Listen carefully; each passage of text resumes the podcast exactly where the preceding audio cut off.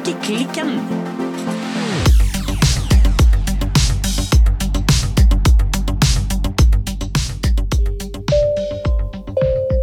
Hallo, Birte. Hallo, Silje. Jeg har tatt med meg eh, pandadrummen igjen. Ja, jeg skulle til å si, jeg husker ikke navnet på denne der, men eh, den er veldig flott. da. Ja, og for de som trodde dette var kalimbaen, så nei, dette var ikke kalimbaen. Nei. Dette var pandadrummen. Vi har et utall av forskjellige kling-klang-instrumenter i huset. Å ja, ja, men da skjønner jeg. For det er panda, kalimba, kalinka, kolunka med her og der. Ja, det høres litt likt ut i, på lyd, men det er helt forskjellige instrumenter, faktisk. Ja, jeg skjønner. Men kling og klang sier de alle i hop. Ja, det er jo det viktigste. Men nok kling og nok klang. Ja, Birte, ja. hva kling-klang har du i Nei! Hva skal du si, klinke strikkepinnene med i Ja! dag? Oh, hva klinker du sammen på pinnene dine? Du, jeg har ikke kommet meg lenger fra denne her eh, vaskefilla, eller ullfilla, som jeg satt her og slengte på i forrige uke. Har ikke du fått nøstet opp det Nei. der flokemarerittet engang? Dette har Og nå ble det mange pøns her.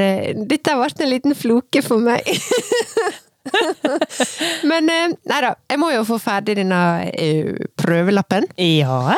Og så tenkte jeg at jeg må gjøre en innsats på denne her eh, chartertrusa vår. Ja, som Ja. altså er en garnvinde. Ja, sånn at jeg får nøsta opp eh, alle disse hespene. Ja. Men det var jo litt sånn enklere sagt enn gjort, merka jeg. Jeg har fått noen tips på um, sosiale medier eh, siden forrige episode, for at eh, det var jo ikke så enkelt å få det sånn fint og beint og disse nøsta.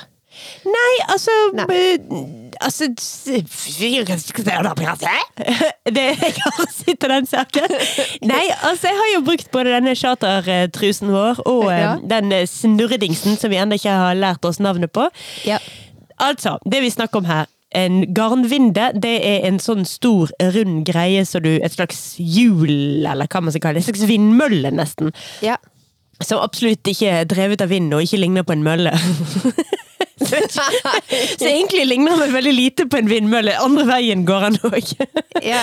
Vannmølle, kanskje? Nei, vet ikke. Ja. Det var fall annet. Ja.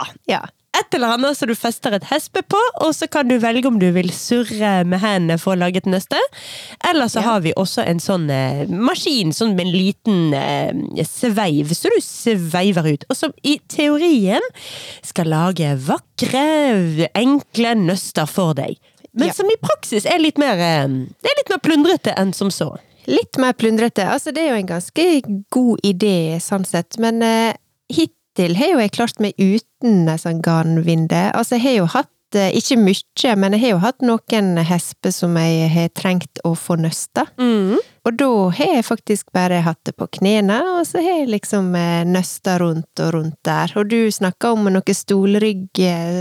Stolryggbruk? Ja, altså jeg Ja. bruker spisestuestolene, Ja. for de er jo da også arvet av mormor, og mormor brukte enten spisestuestolene, eller i mitt hode så brukte hun veldig ofte meg. Ja, jo jo. Jeg var mormors garnvinde. ja. Men eh, nei, ellers så går man jo løs på sine ja, familiemedlemmer Ja da. samboere, søsken, onkler, tanter. Det meste kan brukes som garnvinder, altså. Det, det kan faktisk det, og det slo meg at uh, altså mi, uh, mi mor, hun har jo strikka i uh, veldig mange år. Hun har ikke garnvinde. Nei? Jeg tror det der har sikkert jeg vært til pers eh, tidligere. Jeg veit eh, pappa har vært det. Så det er litt sånn, ja da, du kan ha et eh, på en måte langt eh, strikkeliv uten. Ja. Men eh, ja, for å gjøre lang historie litt lengre Jeg må få nøsta opp i denne der eh, ullfilla mi, og så må jeg få lage denne her eh, prøvelappen til kardigan nummer åtte, som er da strikka i Isager Aran Tweed konfetti. Ja. Og så den andre tråden, det er Isager 1, som er da en litt sånn tynn følgetråd. En tynn, tynn tråd. Ja, så um, i teorien så er det det jeg strikker på, men i praksis er ikke jeg kommet så langt helt enda. Nei.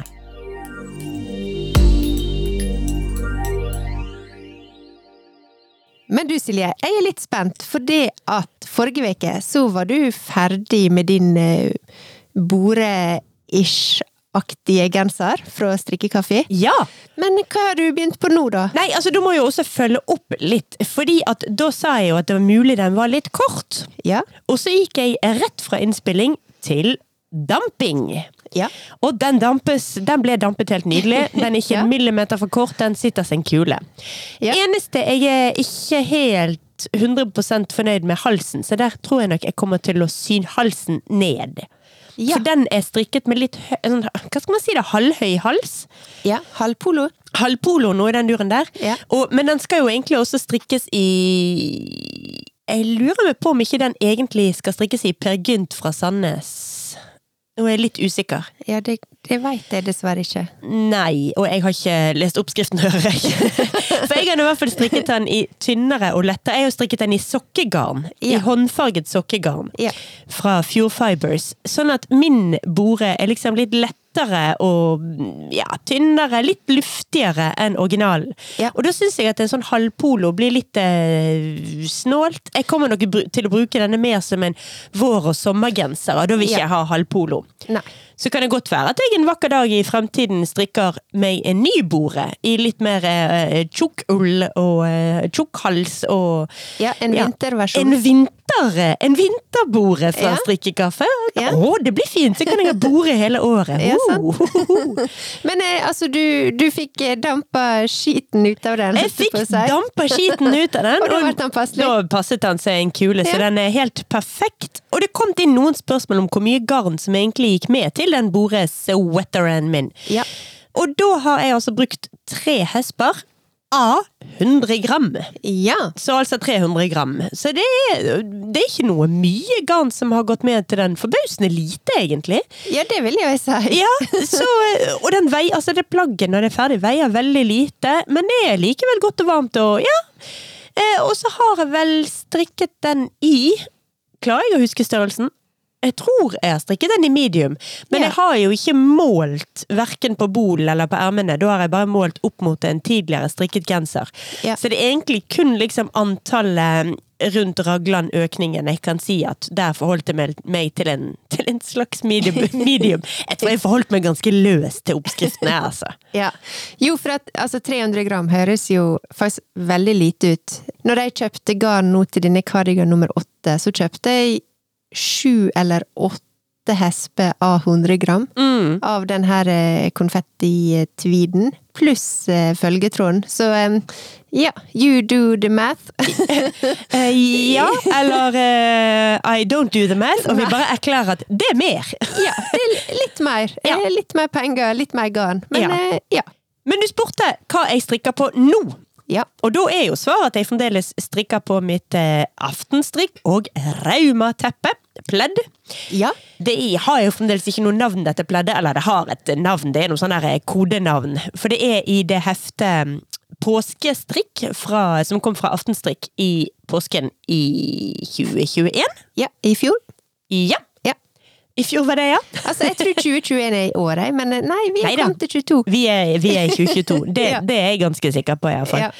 Nei, det går unna, det, altså. Det er utrolig deilig å strikke i dette her finull fra Rauma. Herre fred, for et deilig garn. Ja, det har du snakka mye om, eh, Ja. og det må jeg teste. Det er så godt å strikke med. Nå er jo dette pleddet blitt såpass stort at nå er det jo blitt litt sånn uh, tåpelig å ta med seg på kafé og sånt. Jeg gjør det Ok. fremdeles, men det fører jo til at jeg drar rundt på en Altså Nå er jeg oppe i en stappa full Rema 1000-pose. Uh, snart er jeg oppe i en sånn Ikea-bag jeg skal Ja, drasse ja. rundt på. Så eh, jeg har tenkt et par ganger liksom oh, Neste pleddet mitt tror jeg blir et lappeteppe. Ja, Så det ja, blir litt det er mer ikke, det er ikke kaféstrikk nå lenger. Nei, det Eller? Men altså, det som er, har jo dette her andre litt sånn eh, Så vidt nevnte, men vil ikke snakke så mye om. Men dette her eh, Silje skal kanskje prøve seg som tekstilkunstner. Å, ja, så så der det- hekler jeg litt, og det er mye mindre biter. Så Å, det er litt mer flyttbart. Men det vil ikke jeg snakke om. Men det vil snakke om det. Men det vil ikke snakke om det. Nei men, nei, men ok, så det er det du driver på med nå, altså? Ja, jeg, jeg sitter og prøver, prøver ut litt, altså. Men det er så hemmelig at det til og med Ok, jeg skal ikke Til og med hemmelig for meg. det er så mye da som er inni hodet fremdeles, og de, en del Ja. av de prøvelappene ser bare helt feil ut i forhold til sånn jeg tenker det skal ende opp. Så jeg er redd for å vise det foreløpig. Jeg skjønner. Men eh, betyr det at eh, ditt eh, på en måte neste strikkeprosjekt, eh, det er egentlig eh, tekstilkunstprosjektet ditt, eller har du noen eh, andre planer? Nei, nå går jeg nok eh, en, eh, en god periode hvor jeg gjør flere ting samtidig. Hvor jeg både skal Ja. jobbe med tekstilkunstprosjekt, utprøving osv., Ja. men også strikketing. Ja. Der har, der har jeg et par ting jeg skal strikke til barna mine, faktisk. De er Ja. litt de, Trenger de litt Fryser de litt? Nei, nei, altså, de kommer støtt og stadig med ønsker, og ja ja, ja ja, sier jeg, og roter meg vekk i helt andre prosjekter. Men Ja. nå har jeg virkelig lovet en, eh, blant annet en grønn og hvitstripet genser, har blitt lovet. Ja. Så eh, der må jeg nok svinge meg rundt og ta strikkepinnene fatt med en gang jeg er ferdig med det teppet, da. Ja, men det tar jo du på strak arm.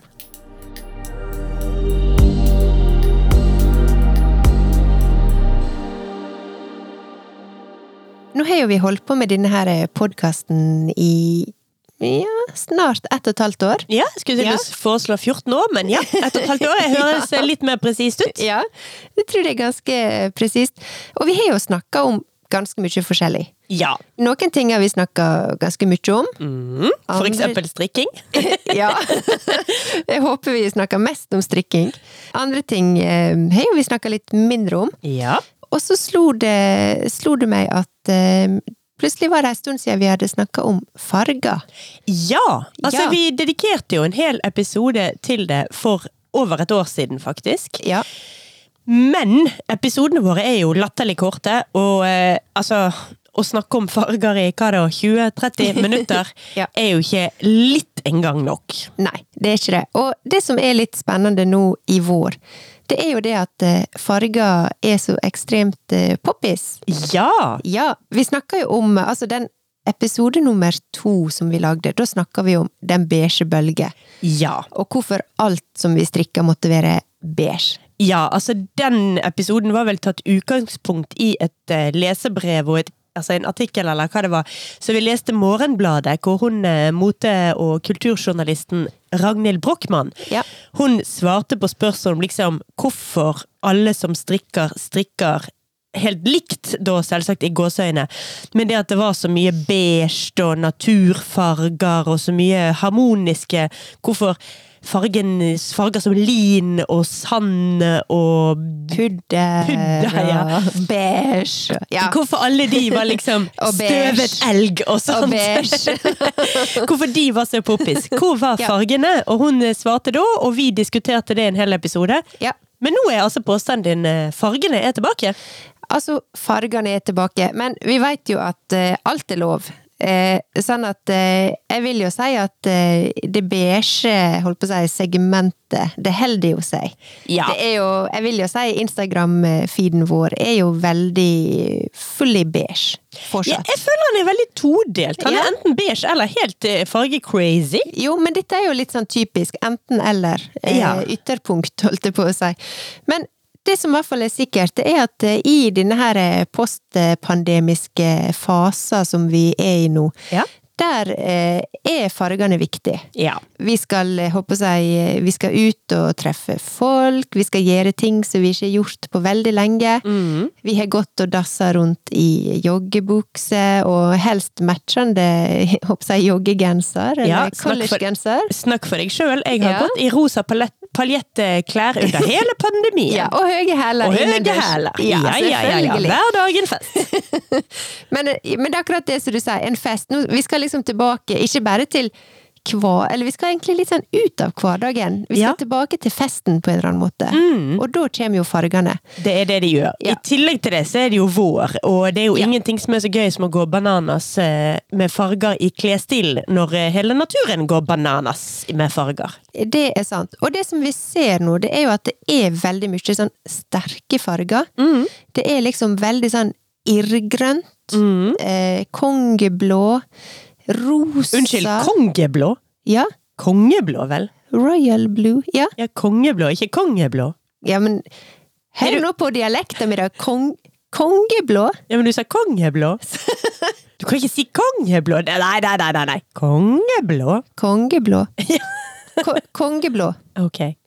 Og vi ser også veldig sånn knallgult. Altså, Mm. det er veldig sånn skarpe farger. Rosa, litt sånn hot pink. Det er liksom, det er ikke denne duse lenger. Det er liksom veldig sterke og skarpe farger.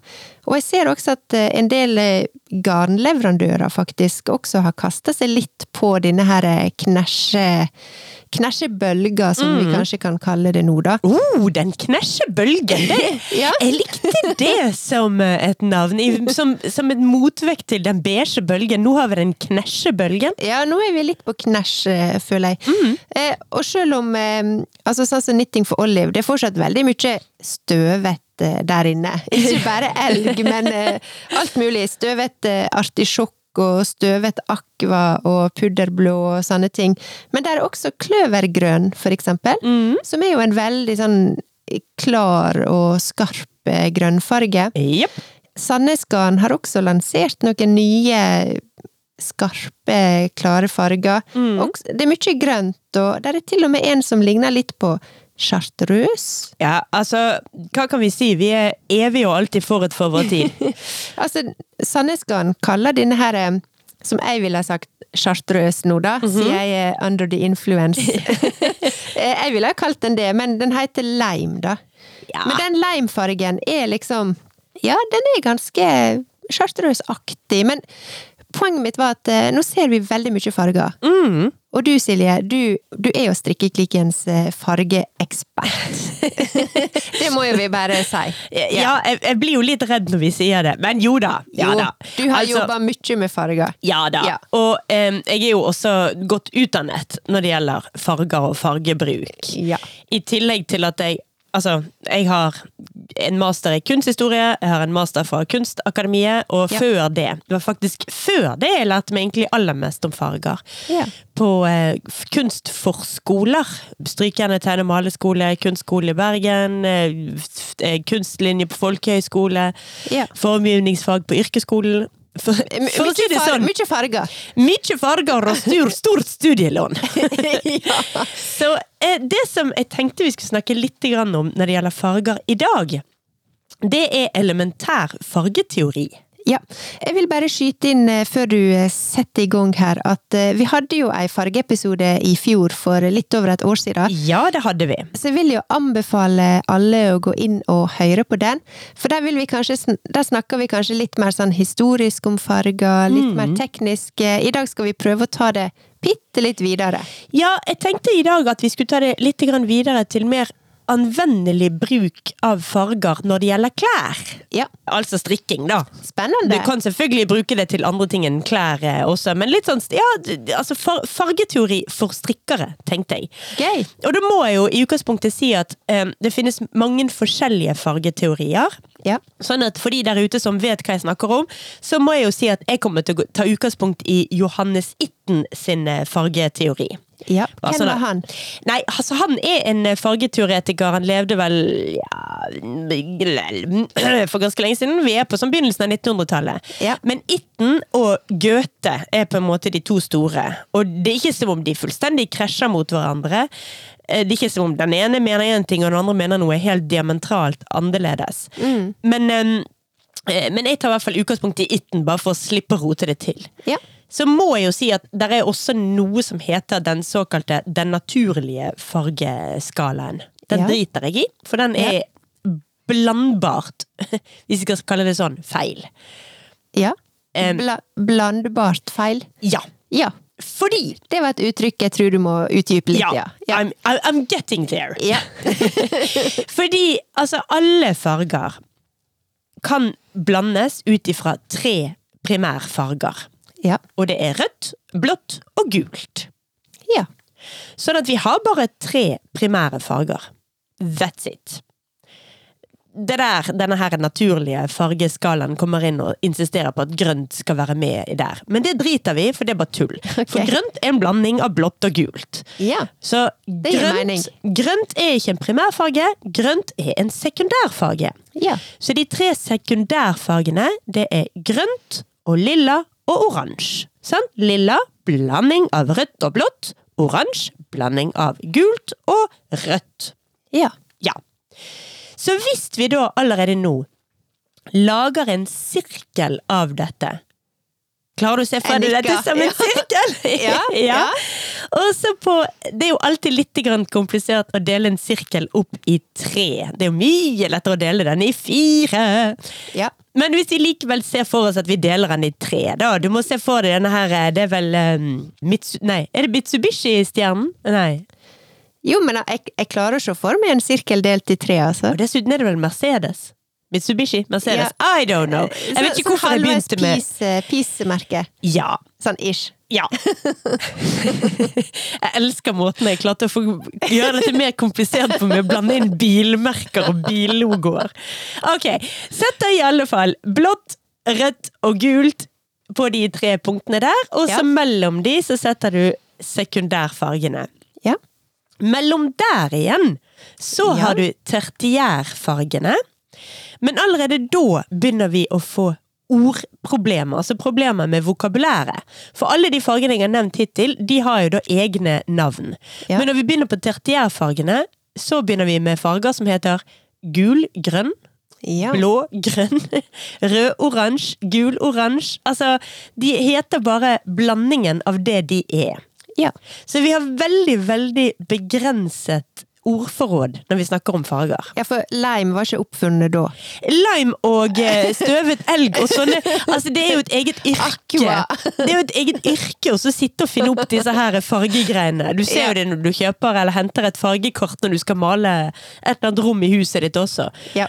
Årets trender fra Jotun! Så har de et vell av nyoppfunnede farger. Ja. Nyoppfunnet my ass. Det har bare sittet en eller annen kommunikasjonsrådgiver og diktet navn. Ja, høres, eh, høres logisk ut, det. Sa Altså, kommunikasjonsrådgiveren det Birte.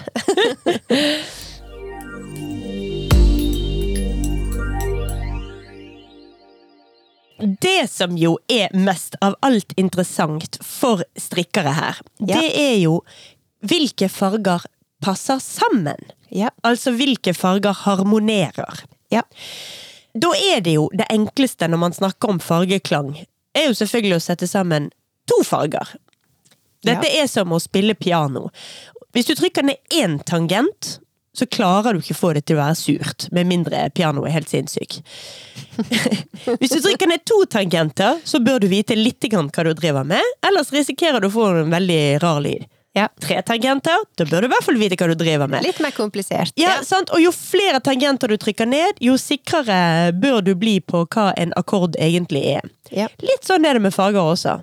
Hvis du skal blande mange farger samtidig, ha en hel palett, Ja. så kan det være lurt å tenke seg litt om på forhånd. Ja. Altså Når man da altså snakker om fargen i sin harmoni, så snakker man altså om hvordan to eller flere farger virker sammen. Ja. Og erfaringer og forsøk med sånn forskjellige fargeakkorder viser at forskjellige mennesker har forskjellige oppfatninger om hva som er en fin fargeharmoni. Dette er ikke noe du kan skrive fullstendig opp og måle 100% sikkert. Nei. Men det finnes likevel noen ting som eh, er sikrere enn eh, andre. Men jeg må bare spørre, for det at eh, dette er altså en, en vitenskap, rett og slett. Da.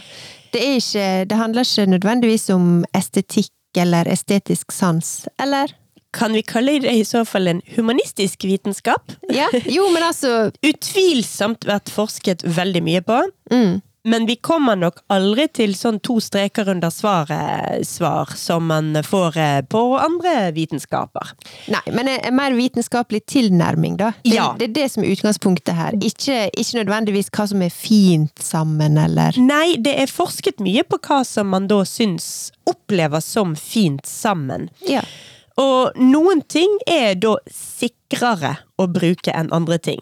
Så egentlig vil jeg si at råd nummer én, hvis du er veldig usikker på dette med å bruke farger, det er å begynne med å bruke to farger, ikke flere.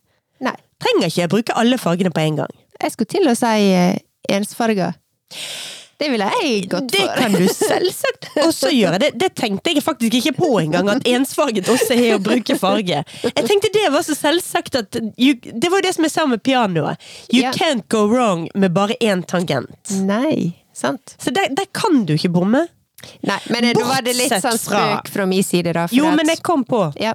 Du vet, så lenge vi snakker om plagg, så skal jo dette plagget brukes mot de fargene du ellers har i garderoben din, pluss hudtonen din, pluss hårfargen din, etc. Ja.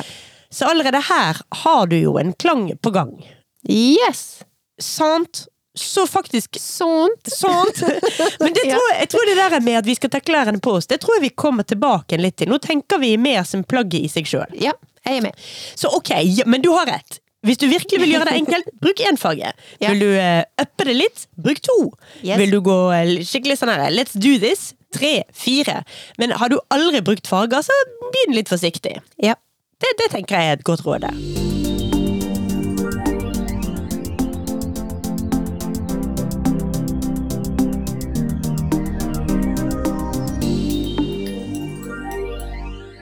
En ting som er ganske så safe å begynne med, det er å bruke såkalte nabofarger. Ja. Blått vil garantert passe sammen med både blågrønt og grønt og blålilla og lilla, sånn at du tenker de fargene som er ved siden av hverandre. ja altså nabofarger er der du liksom kan blande ut den fargen med, på en måte. Ikke nødvendigvis, du kan tenke de de står ved siden av i fargesirkel, eller i hvert fall i nærheten der. Ja.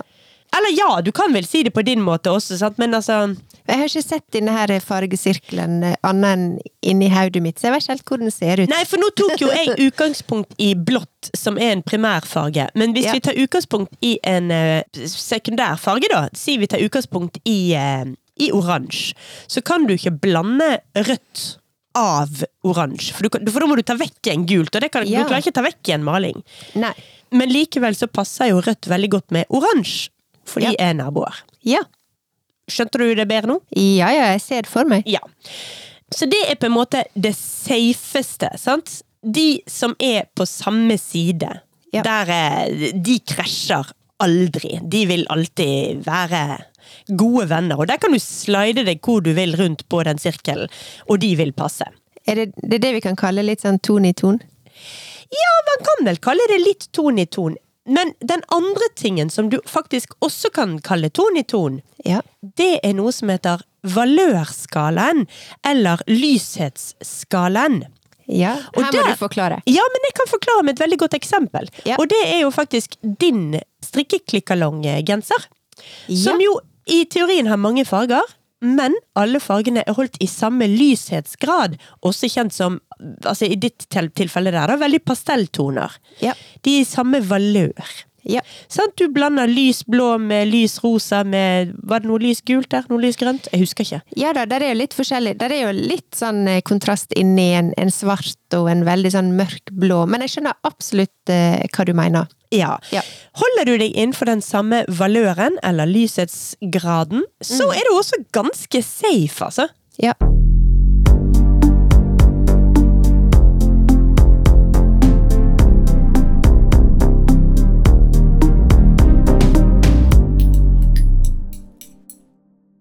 Men vi kan jo ikke bare snakke om trygge valg, vi må jo også tørre å snakke om litt spennende valg. Ja.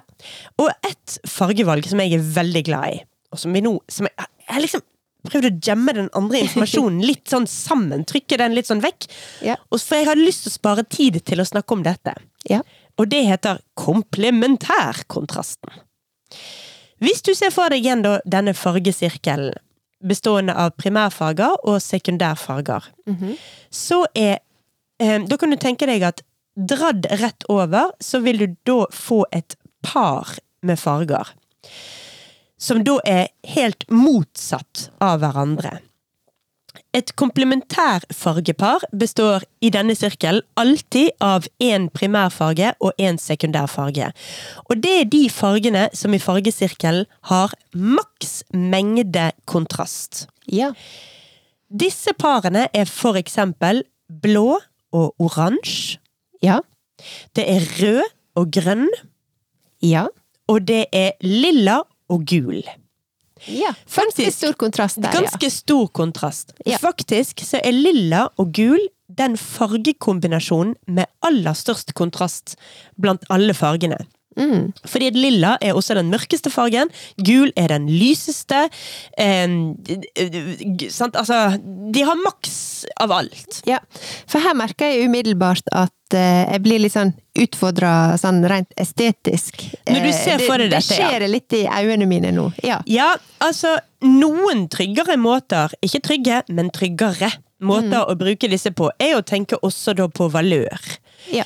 Men man kan også tenke at det å gå maks mengde bananas med kontrast kan være gøy. ja. Eh, Jeg personlig er veldig glad i eh, komboen av oransje og, eh, og blå. Lys blå Jo. og lys oransje. Syns jeg er helt fantastisk sammen. Den, ja, men den, den ser jeg for meg. Ja.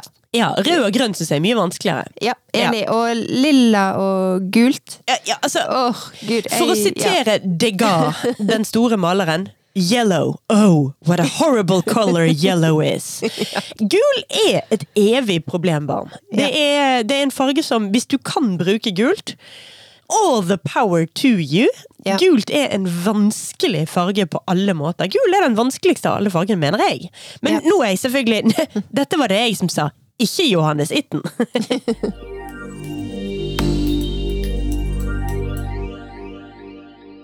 Jeg husker når jeg var lita, så var liksom rødt og rosa Det var liksom den verste kombinasjonen du kunne ha. Ja, ja, ja. Det var jo liksom fy-fy, det, på det glade 80-tallet. Det var skikkelig fy-fy. Jeg husker at eh, jeg klagde min nød en gang. At jeg liksom åh, jeg gikk, måtte gå med rødt og rosa i lag. Og det var, det var omtrent det mest grusomme jeg hadde opplevd i min barndom.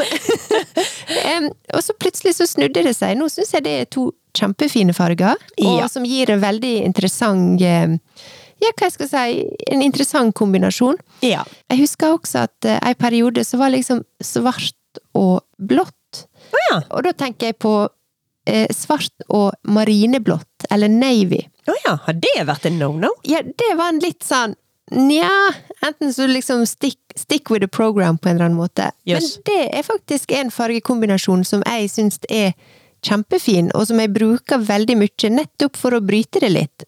At hvis du har kun svart, så kan det bli veldig sånn tungt. Ja. Og du skal også finne samme, på en måte eh, Samme nyansen av svart, og det er ikke alltid Noen svart er veldig sånn brunaktig, og noen er veldig gråaktig, og hvis du setter dem sammen, så Det er ikke så easy on the eye, i hvert fall ikke mine øyne, så der kan jeg få litt problem.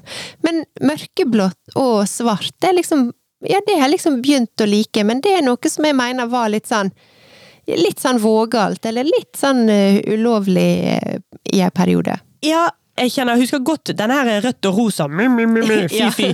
Men blått og svart kan jeg faktisk ikke si at jeg har noe minne om at det har vært fy-fy. Så jeg får litt sånn, altså det har i hvert fall ingenting med fargeteori å gjøre. Nei, da lurer nei. jeg på om vi begynner med sånn der eh, ikke brune sko før etter klokken eh, åtte, og eh, aldri hvitt før Jonsok aftens har tatt sitt tredje glass og man har gått rundt maistangen. Altså det finnes jo noen sånne kleskoder som er bare helt bananas, man skjønner ikke bæret av det. Ja da, altså nå snakker jeg kun om på en måte preferanser og smak og Og ikke minst eh, hvordan man eh, kler seg korrekt rundt dronningen av England. Ja, for eksempel. Fordi at eh, du må vite at du må aldri finne på å gå med brune skinnsko sammen med dress, for eksempel. Nei, det har Nei. jeg aldri gjort. Fordi at brune, brune skinnsko, det er noe du går med på bondegården. Ikke i selskapeligheter. ja, nettopp, ja. Så det skal alltid være svarte skinnsko. Ja, nettopp. Ja, nei, dette er for eksempel sånn som Johannes Itten snakker veldig lite om. Ja. Så dette, dette er jeg ganske grønn på. Men akkurat når det gjelder det med rødt og rosa, Ja. så er jo det i aller høyeste grad nabofarger. Ja. Men men rosa er jo bare en annen valør av rødt. Rosa er jo bare hvitt med, nei, rødt med mer hvitt i. Ja. Eventuelt hvis den er så lys, så er det faktisk hvitt med bitte lite grann rødt i. ja, men det var jo litt Der fikk jo vi litt sånn dekoda den. Ja. Ja.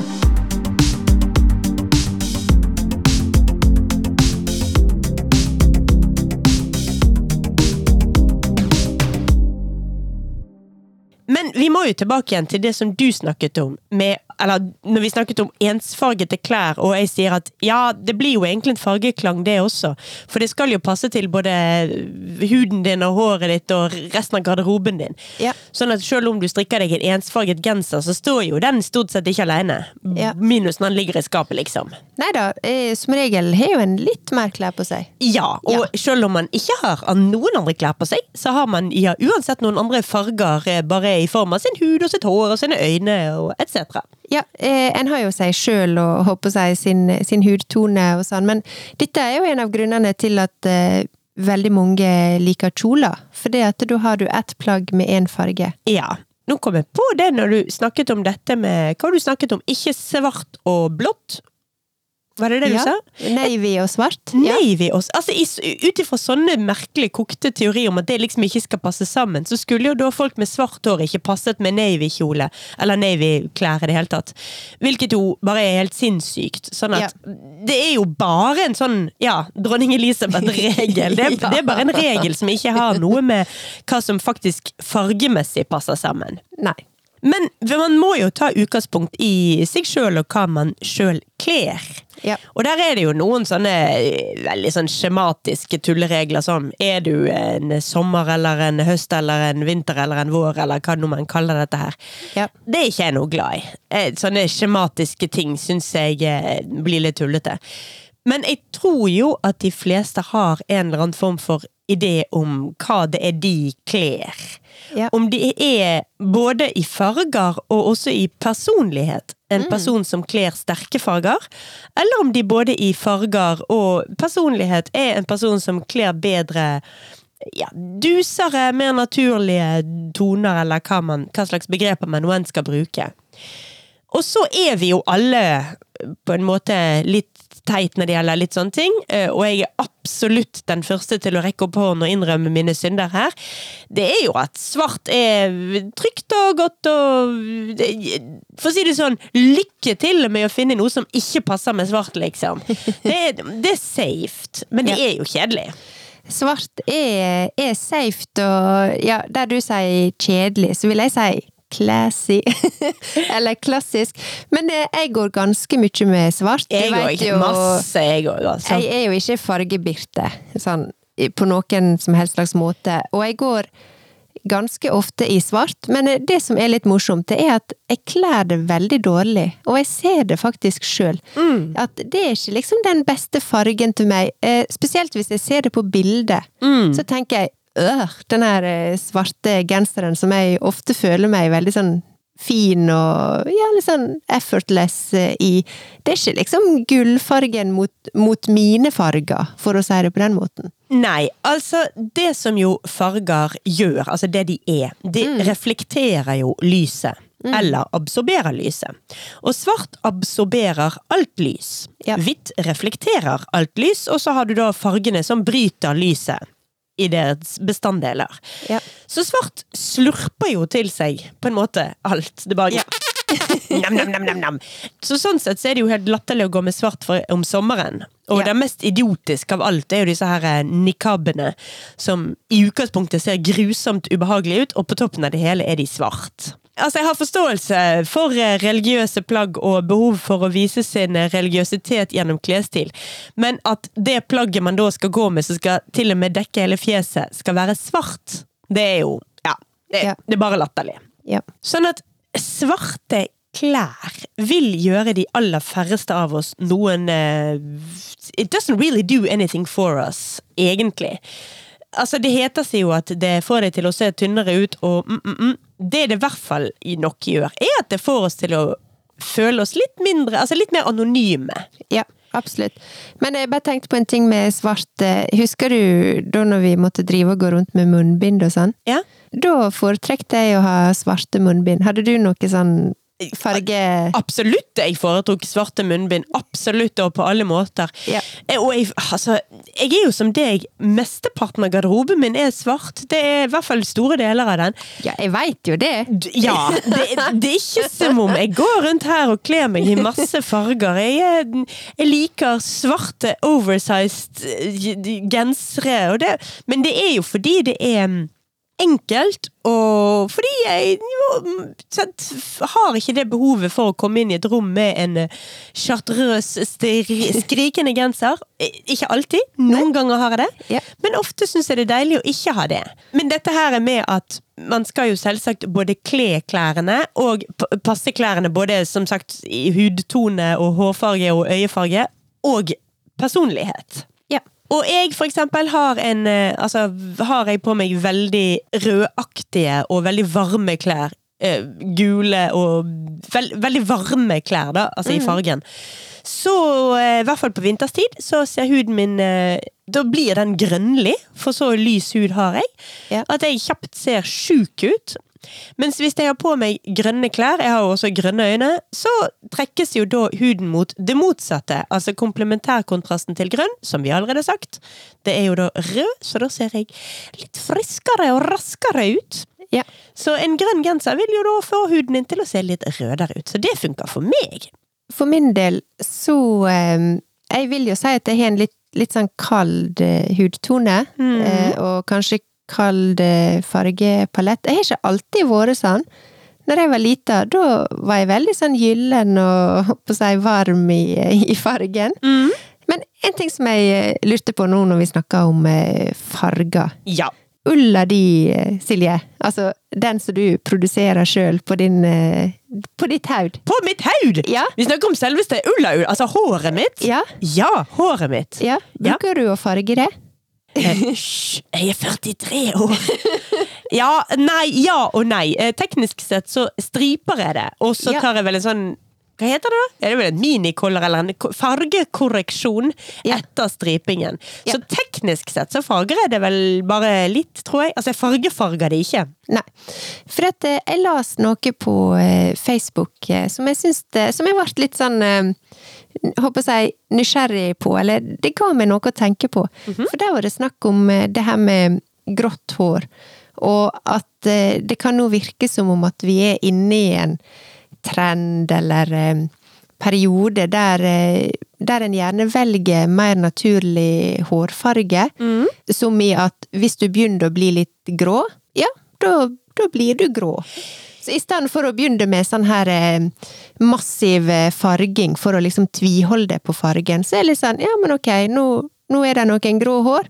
Ja. Let it be. Ja, ja men Ja. det kan nok stemme. Jeg så eh, her for litt siden, jeg husker ikke helt når, altså at den der, hva heter det, People Magazine, de har jo alltid en sånn der kåring av årets vakreste menneske. Ja. Most beautiful. Og årets vakreste er altså Helen Mirren. Ja. Og det var jo veldig hyggelig også. Jeg vet ikke om hun farger håret, men hun har nå iallfall gråaktig hår.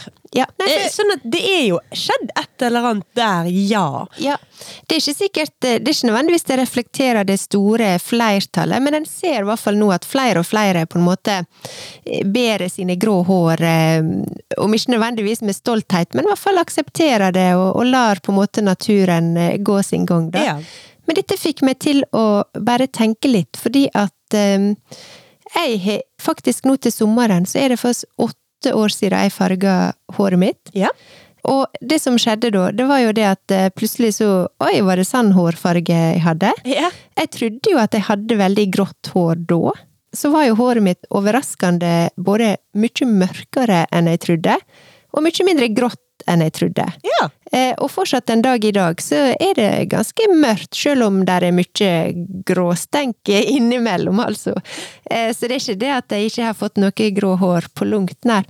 Men det fikk meg til å bare tenke litt, hvorfor eh, lar en det bli på en måte grått, det som alltid har vært liksom symbolet på en gammel person, da? Hvorfor liksom gjør vi det frivillig når vi bare kan farge håret? Jeg begynte å farge håret mitt når jeg var eh, 13 år, og Ja. har farget det siden det. Ja. Men jeg hadde jo faktisk en lengre periode hvor jeg farget det grått. Ja. Altså Du var pre-trendy. Jeg jeg var faktisk pre-trendy der, Ja. fordi at når jeg begynte å gå til frisøren at eh, jeg ville ha det grått Altså, det ble, var jo en trend med å ha sølvgrått hår. Ja. Men jeg var litt tidlig på den også, så de hadde ikke den sølvgrå tonen inne når jeg begynte med det. Nei. Og så sluttet jeg å farge håret i noen år, for å liksom ha min egen hårfarge noen år før det skulle bli grått. Ja. Og så kom det aldri noe grå hår, så da ga jeg opp det prosjektet og begynte å, å eh, stripe det. Og går liksom, nå er liksom, ja det blir lysere og lysere og lysere for hver gang jeg striper det, og så går jeg lei, og så farger jeg det ned, mørkere. Og så striper jeg det opp igjen, og sånn går nå sånn går nå årene. Jeg fikk en liten tanke, rett og slett. Denne Facebook, eh, altså dette Facebook-innlegget fikk meg på en tanke. Ja. Og det var det at jeg tror kanskje at grunnen til at eh, kanskje jeg, bevisst eller ubevisst, og kanskje flere med meg som ikke farger håret, da, Mm. jeg lurer på om det å farge håret, det er noe nå som på en måte vår foreldregenerasjon gjør, og som kanskje var da i kontrast til besteforeldregenerasjonen, som kanskje ble veldig sånn gråhåra og ikke farga håret. Mm. Så nå føler jeg litt på at eh, det er akkurat som om at nå, hvis du farger håret liksom i veldig sånn skarpe, mørke, unaturlige farger, Mm. at det er det som er symbolet på at du er gammel, heller enn grått hår. Forstår du hva jeg vil? Ja, jeg skjønner litt hvor du vil, ja. Det å farge håret, det er det som på en måte sier noe om at du er litt gammel, Ja. mens hvis du lar det bli Grått, så er du bare grå og stilig. Det er akkurat det, for at nå er det det som er moderne, på en måte. Mm. Mens det å farge det er gammeldags. Mm. Jeg fikk bare, jeg, synes, jeg ble bare så fascinert av dette. Jeg har gått og tenkt på det nå i flere dager. Men jeg ville bare liksom Jeg syns det var litt eh, kjekt. Og så siden vi snakker om farger, så tenkte jeg at eh, det var innafor. Ja, jeg kom på nå at jeg har jo hatt eh, de fleste farger på håret. Altså, det har vært svart og blått og rødt og lilla. Eh, lyst. Alt mulig. Men jeg kjenner at jeg gleder meg litt til å bli skikkelig gråhåret, for da kan jeg jo farge det sånn, sånn gammeldamelilla. Ja. Det blir gøy! Sånn Ja. Dame Edna-lilla. Åh, og det skal jeg bli så fin med! Dette her, åh, jeg gleder meg til å bli 80 år. Mm. Jeg tror når, eh, når håret mitt blir eh, veldig lyst, eh, så ja, da, da kan jeg begynne å eksperimentere litt. Da, kan du, da, kan du, da blir det tull! For da kan du ha mange knæsje farger. Men ja, dette var nå bare en liten sånn bitte liten anekdote. Ja.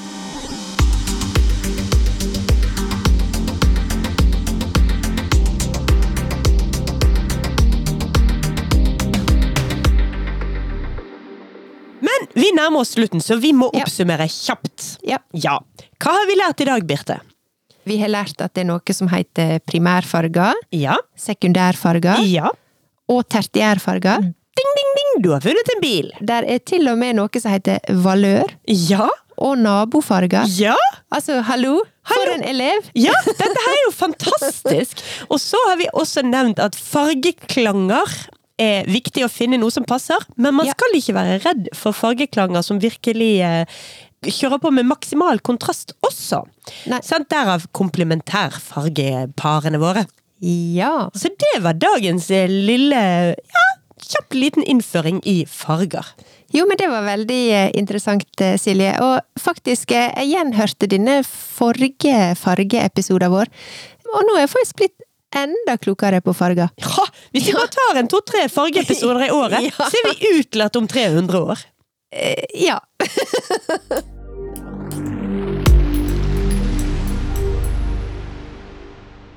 Men det var det vi hadde denne uken, Birte. Det var det. Farge, Silje. Ja, det var vi. Be beige Birte. Du, Ja, vi høres igjen om en uke. det gjør vi. Og Birte, Ja. i dag tenkte jeg du skulle få lov å si ha det først. Å, tusen takk. Ha det på badet.